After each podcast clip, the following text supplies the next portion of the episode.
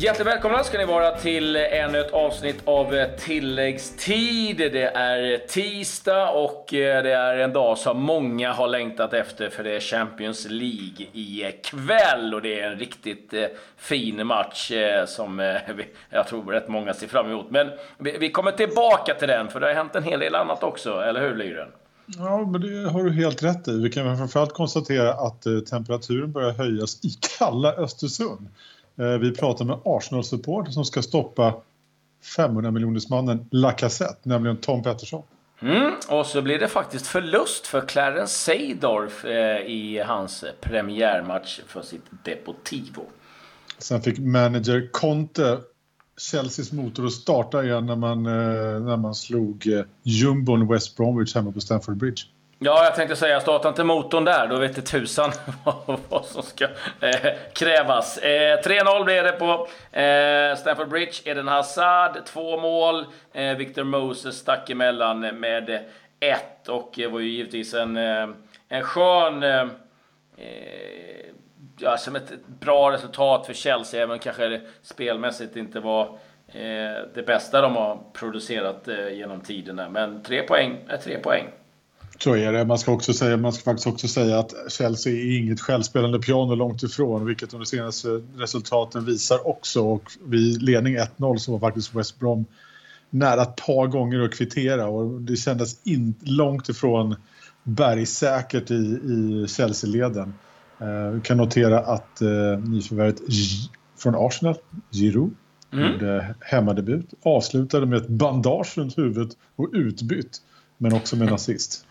Ja, eh, så kan vi också konstatera att Alvaro Morata kom in efter en timmes spel mot just eh, eh Giroud. Det var lite kul det, för att han eh, var ju rapporten han var skadad i ryggen och han visste inte hur länge han skulle vara borta. Sen kom det upp en eh, Instagram-bild där hans eh, fru stod och dansade hängandes på eh, Morata. Eh, och då börjar man ju undra hur det var med de ryggproblemen och eh, då visade det sig att han kom till spel. Det var en del Chelsea-supportrar som inte är helt nöjda eh, med just det. Men nu är han tillbaka i spel i varje fall.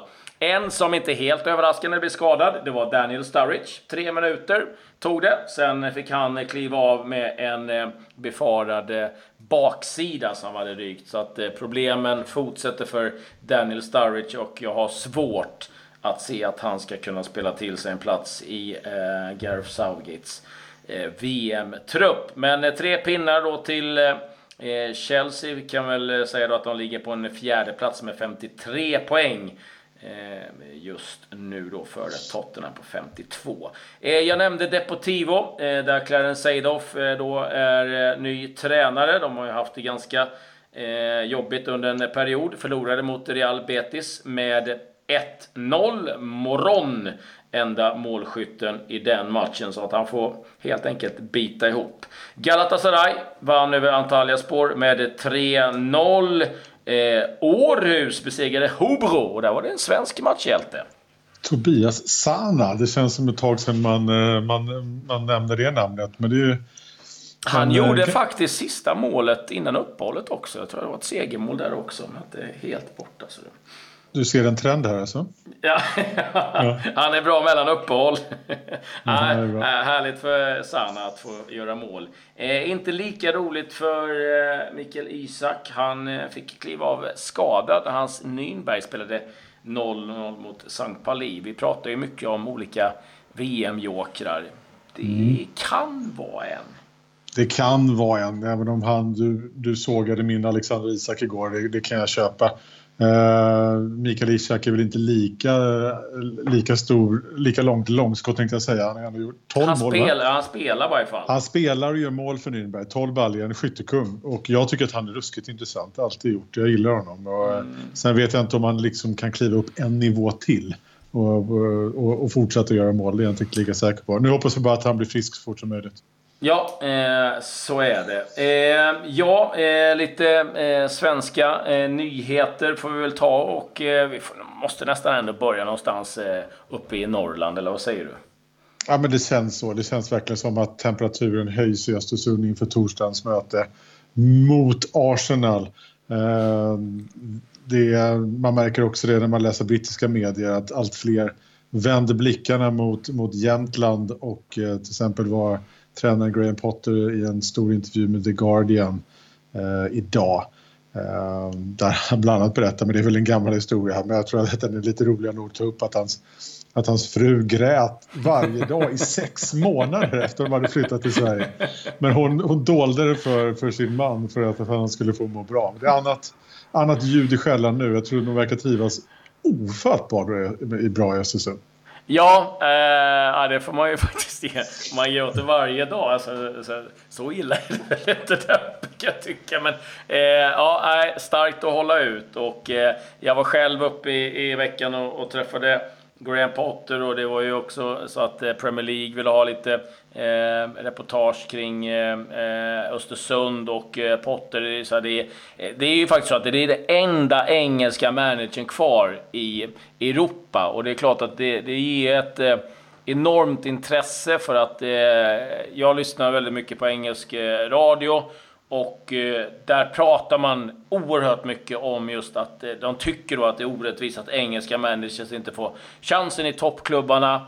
Eh, kan man väl själv tycka att i vissa fall så får de skylla sig själva, att de kanske inte själva sticker ut och testar och så som Potter har gjort, att åka någon annanstans. Eh, likadant spelarna. Eh, nu är det ju Goodman, en spelare som tillhör Everton, som drog ner till Leipzig och eh, kommer ju givetvis dra nytta av det. Så det, det, är ett stort intresse kring det här. Men just när vi pratade om Graham Potter så pratade vi givetvis lite eh, om det med eh, Tom Pettersson. Det finns en längre intervju med Tom i ett specialavsnitt, men här ska ni få ett par minuter av eh, den intervjun som vi eh, gjorde tidigare under dagen.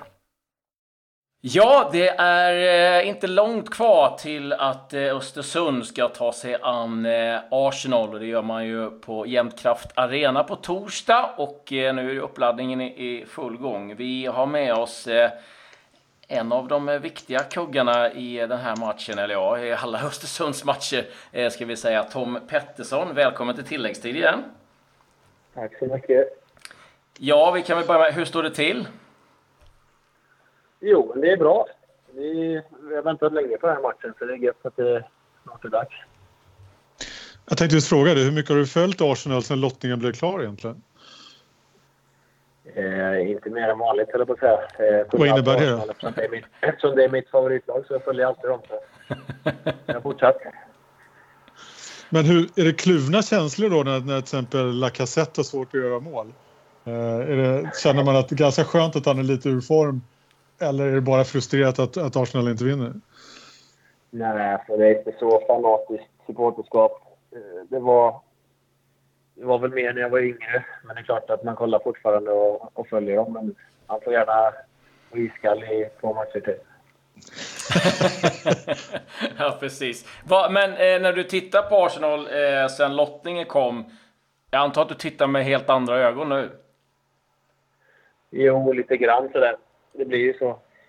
Samtidigt vet vi om att Graham kommer att presentera en grym idé av hur vi ska spela. Så det är inte att man behöver göra egentligen, men det blir ju så automatiskt.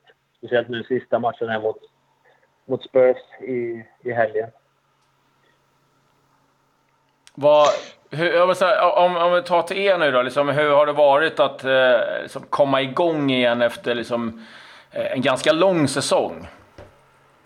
Ja, Eh, det har varit lite tufft. Eh, det är, alltså, det är som, egentligen som det brukar vara på försäsongen. Man är inte i 100% i matchform. Lite tvärtom från i somras när vi mötte Galatasaray och de här lagen. Då var inte de i, i säsong och det var vi. Nu blir det tvärtom, så det blir en extra utmaning för oss. Men samtidigt så har vi fått rätt många träningsmatcher och det var även viktigt att få en tävlingsmatch här i, i fredags var det väl, mot Trelleborg. Så det var det är skönt att det är igång på riktigt. Mm. Det, man måste ändå ge att Östersund FK har en ganska skön Instagram, ett Instagramkonto i alla fall. Eh, som, eh, som tryckte ut, det var väl idag ni tryckte ut en bild på iglo-liknande omklädningsrum uppe på Jämtkraft Arena. Eh, ja. om, om, man säger så här, hur, mycket, hur, mycket tro, hur, mycket, hur stor fördel tror jag att ni ändå kommer ha av omständigheterna? Då tänker jag på väderomständigheterna jag har också läst den här debatten och folk snackar om det. Men jag tror inte att det, det blir någon egentlig fördel för oss att det är lite kallt. Det är det som inte, dessutom inte blir så där snorkallt vad jag har hört. Men alltså de, de är från England liksom. Eller de spelar i England. det är svinkallt. Det är inte Australiens klimat där heller liksom. Så jag tror just det kanske inte blir en jättefördel. Det är väl mer framförallt konstgräs som de inte brukar spela på. De kommer till en arena. De var sist på Wembley när det var 83 000. Nu kommer de till jämtkraft. Den sitter inte ens ihop på sina liksom. Så det är den utmaningen för dem att få upp inspirationen där som förhoppningsvis kan vara en fördel för oss. Om du tittar på dubbelmötet. Eh, normalt sett brukar man ju säga att det är en fördel alltså att få avsluta hemma. Eh, kan det vara så att du känner lite tvärtom här? Eller är det skitsamma? Nej, nog, jo, det är väl skitsamma egentligen. Men jag hade nog ändå velat avsluta hemma så man hade vetat vad man behövde göra på jämnkraft. Mm. Men eh, ja, nu är det som det är. Så förhoppningsvis kan vi få ett bra resultat med oss och, och vinna hemma för att vi ska ha en chans att gå vidare borta. Vad, vad, vad var din spontana känsla efter, eh, efter Arsenals förlust mot Tottenham när Arsene Wenger gick ut och sa att han inte tänker vila några stjärnor mot er? Är det en känsla av eh, att det ska bli kul eller hade man på något sätt hoppats att man skulle få lite enklare motstånd? Ja, det första, var, första jag tänkte var att det var lite synd att han inte vilar några. Eh, det är klart man vill... Alltså de är ju grymma alla, men man får gärna vila några världsklassgubbar där. Men det verkar inte som att han ska göra det, vilket inte är så konstigt eftersom det står att de inte har någon match i helgen heller. Så de skickar ut sitt bästa lag och vi skickar ut våra. Så det är bara att köra. Jag tycker det är intressant att uh, Tom Pettersson nuddar vid det som gick att läsa i, uh, i The Guardian-intervjun eh, uh, också just med det här att Graham Potter tillåter, vad man ska säga, tillåter misstag. det var det han inte gillade med, med den engelska fotbollen, just det att man skulle spela på säkerhet utan, det, utan att man ska våga ta ut svängarna lite grann, vilket han verkligen lyckas med i, i Östersund. och så kan man inte låta bli att gilla att Tom Pettersson tror på en 2-1-seger också. Ja, eh, som sagt, hela intervjun finns i, ett, eh, sin helhet att eh, lyssna på eh, i ett specialavsnitt. Eh, men mer allsvenska nyheter har mm. vi. Eh, Djurgården har värvat. Ja, men det har de. Det har varit på gång, eh, eller i alla fall varit rykten kring det. Och eh, man värvar Marcus Danielsson, mittback som var senast i allsvenska konkurrenten GIF Sundsvall. Eh, han lämnade dem, eller de lämnade varandra kan man väl säga. Danielsson gissar jag blir ett komplement till Jonas Olsson och Jakob Une, Une Larsson. Förlåt. Kanske är det för att säkra upp om Une Larsson som är u landslagsspelare ska vara på gång och kanske lämna i sommar. Vi kan, jag kan fortsätta med, med, med ett axplock här. Eh, Sirius jagar den förra BP och AFC-mittfältaren Mauricio Albornoz. Eh, Hammarby förlänger med viktig mittfältaren Serge Junior det tycker jag är en bra förlängning. Jag mm. tycker det är en väldigt, väldigt bra spelare. Sen kan jag bara slänga ut också att det är 12 tränare som antagits till högsta tränarutbildningen, proutbildningen. Däribland Kalmar FFs Henrik Rydström, vad månde blir då. Ja, nej, jag såg det. Och det var också någon, en, en isländsk eh, herre. Det har vi ju gjort ett avsnitt eh, sen sedan tidigare eh, med Roger Sandberg som ansvarig för det och som berättar hur, hur det där hela uppbyggt. Väldigt intressant. Det kan jag rekommendera att leta upp. Eh, lite mer eh, alltså säga, nordisk eh, nyheter.